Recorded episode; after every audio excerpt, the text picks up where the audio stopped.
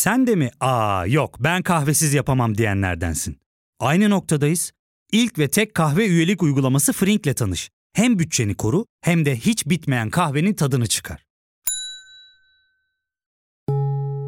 Yakınlarından terapinin onlara ne kadar iyi geldiğini dinlesen de kendin için bir şeylere başlamak zor geliyor olabilir. Ya da sevdiklerine yardım etmeye istekliyken kendi ihtiyaçlarını görebilmek. Hayvel, uzman psikologlarıyla kendi ihtiyaçlarını bulmanda sana destek olacak. Terapi yolculuğuna başlamak için detaylı bilgi bölümün açıklamalarında. Bu bölümdeki bazı unsurlar rahatsız edici olabilir.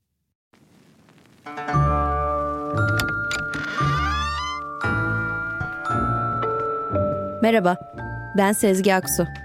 Burası Karanlık Dosyalar. Bu hafta size şarkılara konu olmuş Fred ve Rosemary West davasını seçtim. Ne dersiniz? Hazırsanız başlayalım mı?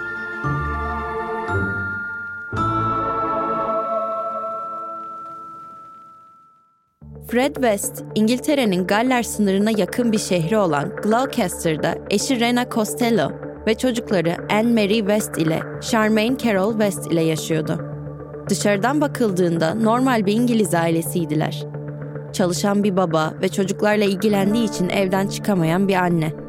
Ancak Fred'in kendi içinde yaşadığı, dışa göstermediği bir dünyası vardı. Ergenliğinin başında daha 12 yaşındayken seks kavramıyla tanışmıştı. Ancak tanışmasını sağlayan kişi annesiydi. Yani hem fiziksel hem de mental olarak tacize uğramıştı. 13-14 yaşlarındayken cinselliği hem kadınlarla hem de hayvanlarla yaşamıştı. Ama bunları ne eşi Rena ne de kızları fark etmişti. O da hayatına normal biri gibi devam etti. Gel gelelim 1969 yılında Galler sınırındaki bu şehre Letts ailesi taşındı. Letts'lerin küçük kızı Rosemary 15 yaşında bir lise öğrencisiydi. Çok sessiz ve sürekli yere bakarak yürüyor oluşu kasabada dikkat çekmişti. Annesi Daisy, Rosemary'e hamileyken yaşadığı majör depresyon nedeniyle elektroşok tedavisi görmüştü. Kasabada Rosemary'nin tavırlarının neden yabani olarak adlandırıldığına dair annesinin hamilelik süreci öne sürülürdü. Lakin sebep ne olursa olsun, sonuç Rosemary'nin Fred'in radarına takılmasıydı. Bir gün Rosemary okula gitmek için evden çıkmış ve evlerinin iki sokak ilerisinde yer alan otobüs durağına yürümüştü. Fred de tesadüfe bakın ki aynı anda aynı otobüs durağındaydı. Fred, Rosemary'e nereye gittiğini sormuştu. Rosemary, Denmark Road Lisesi'ne gittiğini söylediğinde Fred gözlerinin içi parlayarak oraya çok yakın bir yerde çalıştığını söylemişti. Sohbeti uzatmaya çalıştıkça Rosemary çekinmişti. Ancak Fred, Rosemary'nin kendisinden çekinse de beğendiğini anlamıştı. Ona farklı zamanlarda tekrar denk gelecek şekilde ayarladı kendini. Okulunun çıkışından okul çıkışı çalıştığı fırına kadar sürekli etrafındaydı. Bir noktadan sonra Rosemary ona karşı gelemedi ve buluştular. Fred'in tahmin ettiği gibi olmuştu. Rosemary onu beğenmişti. Daha doğrusu etkilenmişti. 28 yaşında, işinde gücünde, aile sahibi biriydi. Ama aile sahibi olması Rosemary'yi aynı zamanda rahatsız ediyordu. Çünkü o, Fred'in hayatına sonradan eklenmişti. Fred ise Rosemary'den başka bir şey düşünemez hale gelmişti. Böyle bir günün sonunda eşi Rena'ya ondan ayrılmak istediğini söyledi. Ancak Rena bunu kabul etmedi. Yine de Fred, Rosemary ile görüşmeye devam etti. Görüşmeler öylesine sıklaşmış ve yakınlık artmıştı ki henüz 16 yaşındaki Rosemary ilk çocuğu Anne Heather'ı dünyaya getirdi. Bu çocuğun babasının kim olduğu da bir tartışma konusuydu. Çünkü Rosemary babası Andrew tarafından küçük yaşlarından beri ensest ilişkiye zorlanmıştı. Evet, Rosemary de Fred gibi aile içi cinsel tacizden muzdaripti. Çocuk doğduktan sonra yapılan testler ve çocuğun Fred'e benzediğinin fark edilmesi sonucu en azından baba konusundaki soru işaretleri dağılmıştı. Ancak ortada hala büyük sorunlar vardı. Fred araba jantı çalarken yakalandığı için hapse atılmıştı ve 24 Haziran 1971'de hapisten çıkabilecekti. Bu nedenle daha kendisi çocuk olan Rosemary, Fred'in kızları ve kendi kızına bakmaya başladı. Rosemary otoriteye sahip olunca içinden başka biri çıktı. Utangaç, sessiz ve neredeyse başını yerden kaldıramayan Rosemary gitmiş, Herkese bağıran, istediklerini zorla yaptıran bir psikopat gelmişti. Fred'in büyük kızı Charmaine, Rosemary'e karşı gelmeye çalışsa da karşılık veremiyordu. Bir akşam ettikleri kavga çok ileriye gitmişti. Rosemary küçük kızı tekme tokat dövüp bayıltmıştı. Öfkesine karşı koyamayıp Charmaine'i soymuş ve bir sandalyeye deri kemerle bağlamıştı. Charmaine'i bayıltana kadar dövüyor, bayılınca ayıltıp tekrar döve döve bayıltıyordu. Hatta Charmaine'in sol ayak bileğini çiviyle delmiş, küçük kızın ayağı o haldeyken üzerine basmıştı. Bütün bunları yaptıktan bir ay sonra 15 Haziran 1971'de Fred'in ziyaretine ailecek gittiler. Fred, Charmaine'in yüzünde ve vücudundaki morlukları görse de üstünde durmamıştı. Çünkü Rosemary'nin neler yaptığını tahmin etmişti. Ancak görüşme sırasında Rosemary, Charmaine'in davranışlarından çok rahatsız oldu. Babasına Rosemary'i şikayet etmişti. Hatta ayakkabısını çıkarıp ayağının ne hale geldiğini göstermişti. Bunların ardından Rosemary ilk cinayetini işlemeye karar verdi. 8 yaşındaki Charmaine, Fred hapisten çıkmadan ölmeliydi. Ne zaman ve nasıl öldüğü bilinmese de küçük kızın diş kalıntısı üzerinden yapılan testte cinayetin 24 Haziran 1971'den önce gerçekleştiği anlaşıldı. Ancak durum bununla sınırlı kalmayacaktı. Kızının öldüğünü öğrenen Rena, Fred ve Rosemary'nin evini bastı. Bu, Rena'nın canlı görüldüğü son zamandı.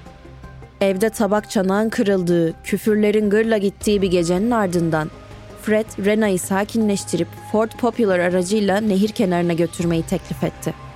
Gecenin zifiri karanlık saatlerinde bu önerinin ne kadar riskli olduğunu fark etmeyen Rena, eski eşinin teklifini kabul etti. Nehir kenarına geldiklerinde Rena'ya arkadan yaklaşan Fred onu boğmaya başladı. Rena yumruk atmaya, kendini kurtarmaya çalışsa da yavaş yavaş önce bilincini sonra da hayatını kaybetti. Rena'yı öldüren Fred onu aracına götürdü ve evinin bahçesine, kızının yanına gömdü. Bu cinayetlerden yaklaşık 5 ay sonra 29 Ocak 1972 tarihinde Fred ve Rosemary birlikteliklerini resmiyete taşımaya, evlenmeye karar verdiler. Aynı zamanda Rosemary ikinci çocuğuna hamileydi. Fred ve Rosemary hem yaşadıkları evin onlara küçük gelmesi hem de bahçesinde yatan cesetler yüzünden taşınmaya karar verdiler. Gloucester'da yer alan Cromwell Caddesi 25 numara onların yeni adresiydi. Ve bu adresi tüm dünya öğrenecekti. West çifti için evlilik ve ikinci çocuklarının doğumundan sonra her şey çok daha kaotik bir hal aldı. Fred yeni eşi Rosemary'yi seks işçiliğine başlatıp onun üzerinden kazanç sağlıyordu. Hatta bazı geceler Rosemary eve geldiğinde kazandığı parayı beğenmeyen Fred onu bayıltana kadar dövüyordu. Kaşı, gözü karnevan içinde kalan Rosemary'yi yerde sürükleyip kapı önüne atıyor ve işe geri gönderiyordu. Fred serseri mayından farksız bir haldeydi. Önceki evliliğinden doğan Anne Mary isimli 8 yaşındaki kızını gözüne kestirdi. Evin içinde kimse yokken Anne Mary'yi taciz etmeye başladı. Küçük kız tacize karşı geldiğinde ise kıyafetlerini yırtar, sonra da kafasını duvara vura vura onu bayıltırdı. Bayıldıktan sonra ise ne yaptığını söylemek istemiyorum. Fred'in gözüne kestirdiği tek kişi küçük kızı değildi. Ona ve iki kardeşine bakıcılık yapmaya gelen 17 yaşındaki Caroline Owens da Cromwell Caddesi 25 numaranın karanlığına maruz kaldı. Caroline gazetede gördüğü bebek bakıcılığı işi için West'lerin evine gelmiş ve şartlarda anlaşmıştı. Hatta ona Anne Mary'nin odasında bir yatak verilmişti. İlk başlarda her şey yolunda gözükse de sonradan işlerin rengi değişti. Fred onu taciz ediyor, açık kıyafetler giymeye zorluyordu. O bunu reddetmeye çalışsa da paraya ihtiyacı olduğu için işe devam ediyordu.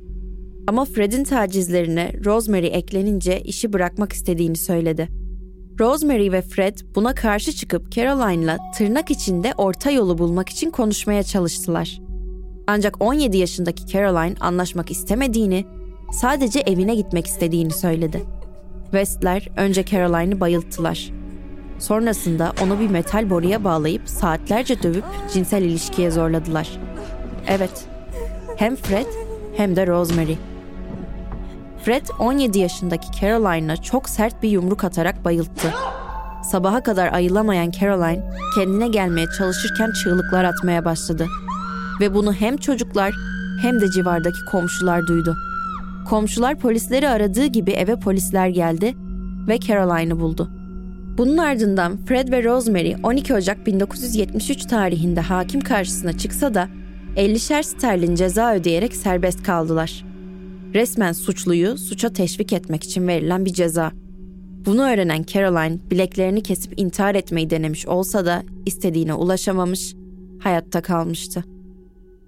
Şimdi ufak bir aramız olacak. Ardından tekrar birlikteyiz. Ya fark ettin mi? Biz en çok kahveye para harcıyoruz. Yok abi, bundan sonra günde bir. Aa, sen Frink kullanmıyor musun? Nasıl yani?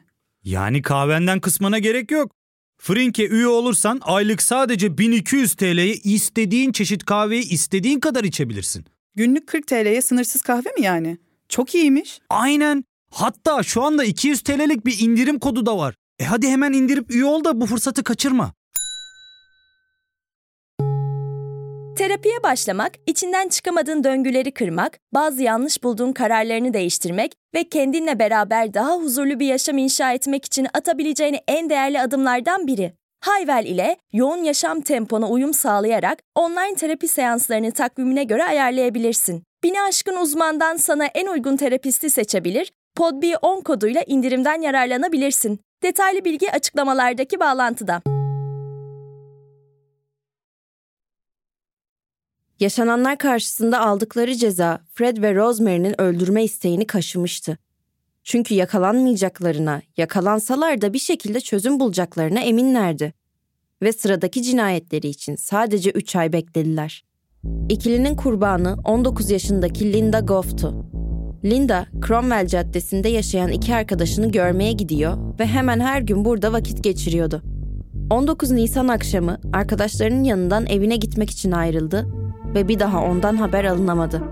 Cesedi yıllar sonra bulunduğunda çenesinin tamamen parçalandığı ve boğazına dizle bastırılarak öldürüldüğü ortaya çıktı. Verilere bakacak olursak, Fred ve Rosemary onu kaçırıp tıpkı Caroline'a yaptıkları gibi bağladılar ve çenesini kırdılar. Sonrasındaysa onu çözüp boğazına diz ya da ayağıyla basarak boğdular. Bedenini bahçeye gömmektense evin bodrumundaki duvarların içine çimentoyla karıştırıp sakladılar. İkilinin diğer kurbanı Carol Ann Cooper olacaktı. Carol, Worcester şehrinden gelen 15 yaşında bir lise öğrencisiydi. Gloucester'da erkek arkadaşıyla beraber hayatını sürdürüyordu. Bir gün okul çıkışı erkek arkadaşının arabayla onu almasını bekliyordu. Sinemada The Wicker Man filmine gideceklerdi. Ancak başına geleceklerden habersizdi. Fred sokakta tek başına bekleyen Carol'ı görünce ona kur yapmaya başladı ve arabasını aldı. Sonra da onu korku evine, Cromwell Caddesi 25 numaraya getirdi. Onu da Linda'yı öldürdüğü gibi öldürdü. Sonrasındaysa bedenini yakıp evin bodrumuna gömdü. Westler'in gözü dönmüştü ve durmaya niyetleri yoktu. Exeter Üniversitesi'nde eğitimine devam eden Lucy Partington, Noel için aile ziyaretine gelmişti. Ailesini memnun edip sonraki günde eski arkadaşlarını gören Lucy, otogara gitmek için A435 yoluna çıktı. Oradan geçen bir otobüs otogara ulaşıyordu. Ancak otobüsten önce Fred geldi ve onu otogara götürmeyi teklif etti. Lucy'nin cevabı evetti. Tam olarak ne zaman ya da nasıl öldüğü hala belirsizliğini korusa da ulaşılan beden kalıntılarına bakılınca Ocak 1974 tarihinde öldüğü tahmin ediliyor. 1974-1975 yılları arasında Fred üç farklı genç kızı daha cesetlerle dolu korku evinin bodrumunda öldürdü. Kurbanlardan biri olan Juanita Mott, ikilinin aynı zamanda kiracısıydı. Cinayetlerin ardından 1978 yılının Mayıs ayında bir diğer kiracı olan 18 yaşındaki Shirley Robinson'a kadar kimseyi öldürmediler. Shirley'e eve taşındığı günden son anına kadar hem Rosemary hem de Fred tarafından istemediği şeyler yaşatıldı. Fred onu hamile bırakmıştı. Buradaki temel motivasyonu da çocuk doğduktan sonra onu alıp zengin ama çocuksuz ailelere satmaktı. Shirley Mayıs ayında öldürülmeseydi bir ay sonra Haziran ayında doğum yapacaktı. Ancak onun da kaderi diğerlerinden farklı olmadı. 1979'da Westler'in kızlarından Anne Mary evden kaçıp karakola gitti. Karakola gittiği gibi polislere babası Fred West ve üvey annesi Rosemary West'in kendisine yaptıklarını anlattı. Bunun üzerine polis West'lerin evine gitti ve Anne Mary'nin dediklerinin doğruluğunu araştırdı. Aynı zamanda evi, bahçeyi ve bodrumu da incelediler. Özellikle bodrumu incelerken gelen kesif koku polisleri rahatsız etmiş olsa da ceset kokusu olduğu akıllarına gelmedi. Yine de Fred ve Rosemary West hakkında bir soruşturma başlatılmasına karar verildi. Ancak hiçbir şeye ulaşılmadığı için soruşturma aynı sene içinde kapandı. Fred ve Rosemary başlarına iş almamak için uzun süre boyunca sessiz kaldılar. En azından dışarıya karşı. Sessizlikleri 19 Haziran 1987'ye kadar sürecekti. 17 yaşındaki Heather, babasının kendisiyle cinsel ilişkiye girmeye çalıştığı bir akşam babasına vurdu ve onu odasından dışarı atmaya çalıştı. Ancak Fred karşılık vermekte gecikmedi. Bağırarak Rosemary'yi de çağıran Fred, kızı Heather'ı yumruklayarak etkisiz hale getirdi.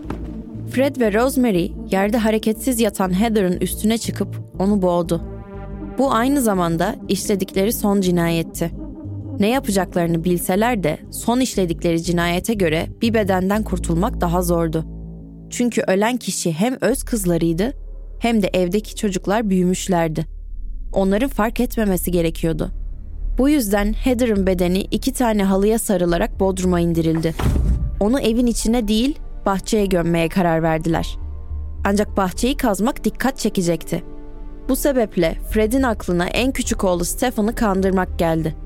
Bahçenin ortasında güzel bir balık havuzu yaptıracağını söyleyen Fred, Stephen'ın hevesini gördü ve ona bir şart sundu. O havuzu istiyorsan orayı sen kazacaksın. Stephen bu talebe balıklama atlamıştı. Ablasının mezarını kazdığından habersiz olan Stephen işini bitirdikten sonra uyumaya gitti. Ve halıdaki Heather toprakla buluştu.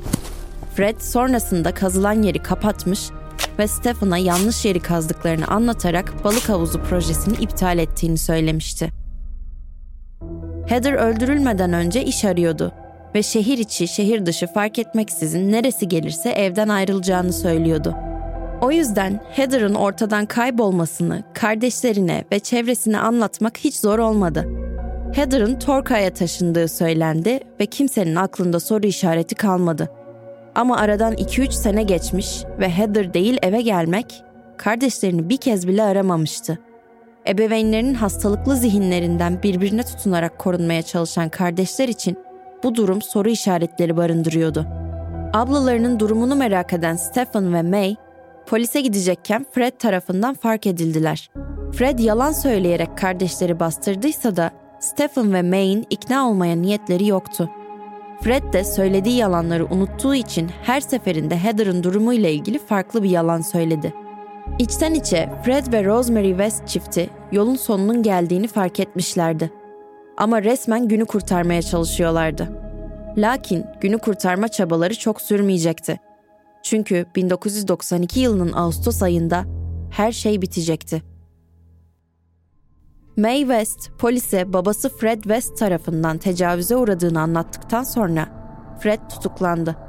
May, Rosemary'nin de tüm bunlar olurken her şeyi görmezden geldiğini anlatınca kendisinin ve kardeşlerinin velayeti West'lerin elinden alındı. Ancak şans yine onların yanındaydı. 7 Haziran 1993 günü Fred West'in hapse atılması için gerçekleşmesi planlanan davaya kızı gelmeyi reddetti ve şikayetlerini geri çekti. Bu durumun ardından Fred West yine yeni yeniden serbest kalmıştı. Lakin Gloucester polisinin radarındaydı. Bu sebeple de Gloucester polisi West'lerin Cromwell Caddesi 25 numarada bulunan evini araştırmak için arama izni çıkarmaya çalıştı.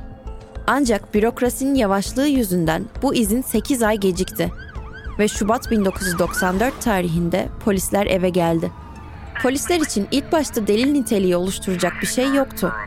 Ancak kış soğuğu olmasına rağmen evin içinde durmayı zorlaştıran rahatsız edici bir koku vardı. Ve bu koku evin üst katından dahi duyuluyordu. Polisler bu kokunun peşine düşüp kilitli olan bodrum kapısını açtırdı. Koku bodrumdan geliyordu. Ama bir sorun vardı. Bodrum şaşırtıcı derecede temizdi ve ortada koku oluşmasına neden olacak hiçbir şey yoktu. Ayrıca gelen koku rutubet kokusu değildi. Çürük bir şey kokuyordu çürük bir hayvan ya da çürümüş bir insan bedeni. Bunun üzerine başkomiser derhal Bodrum'un ve Bodrum duvarlarının kazılmasını emretti. Eş zamanlı olarak bahçenin her yerinin kazılması da istendi. İşte bu koku West'lerin sonuydu. Kazı ilerledikçe ortaya mide bulandıran, kan donduran gerçekler çıktı. Cromwell Caddesi 25 numarada yıllardır kayıp olan tam 10 genç kızın çürümüş cesedi bulundu. Bunun üzerine Fred ve Rosemary West derhal gözaltına alındı ve birkaç gün içinde hakim karşısına çıktı. Hakim için hayatının en kolay kararlarından biriydi belki de. Fred ve Rosemary West'e verdiği ömür boyu hapis cezası. İkili Birmingham hapishanesine gönderilmişti. Fred ve Rosemary hapisteyken polisler bu ikilinin önceki yaşadığı evi de araştırdı. Çünkü bu kadar canice cinayetler işleyen insanlar önceden de cinayet işlemiş olabilirlerdi. O evden de işledikleri ilk cinayetler olan Charmaine ve Rena West'in cesetleri çıkınca polisin haklı olduğu anlaşıldı. Ama gecikmiş bir haklılıktı bu. Fred, Rosemary kadar dirayetli bir şekilde karşılamamıştı ömür boyu hapis cezasını. Ne yapacağını bilememiş bir halde hücresinde ileri geri yürüyüp kendi kendine konuşuyor, sayıklıyordu. Hapishanede 31 Aralık 1994 günü yeni yıl kutlaması için hareketlenme vardı. O da hiçbir şey yokmuş gibi davranıp etrafındakileri kandırdı. Ve çamaşırhaneden yorgan, battaniye çaldı. Hapishanedeki görevliler ve mahkumlar 1994'ten 1995'e girmeyi kutlarken o da yorganları sıkı sıkıya tavandaki borulara bağladı. Kimsenin onu fark etmeyeceğini anladığı bir anda tabureye çıkıp boynunu sıkı sıkıya tavana bağladığı yorgana geçirdi ve altındaki tabureyi tekmeleyerek yaşamını sonlandırdı. Rosemary ise hala hapishanede ve yaptıklarıyla ilgili kendini suçlu bulmuyor. Oysa sessiz, sakin bir genç kızken sevgi adı altında manipülasyonlara maruz kalıp yaşadığı güç zehirlenmesi sadece İngiltere'nin değil, dünya tarihinin en eli kanlı insanlarından birine dönüştürdü onu. 2010'lara kadar Cromwell Caddesi 25 numarada kimse yaşamak istemedi.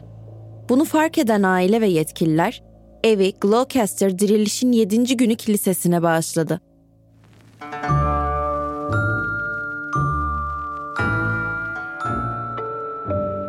Evet, bu haftanın sizler için seçtiğim karanlık dosyasının sonuna geldik. Bir sonraki karanlık dosyada görüşmek üzere. Kendinize iyi bakın.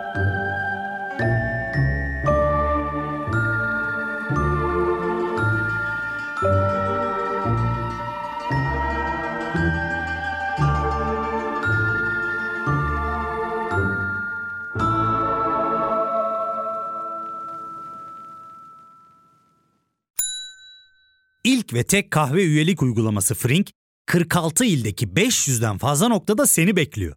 Açıklamadaki kodu girerek sana özel 200 TL'lik indirimden faydalanmayı unutma.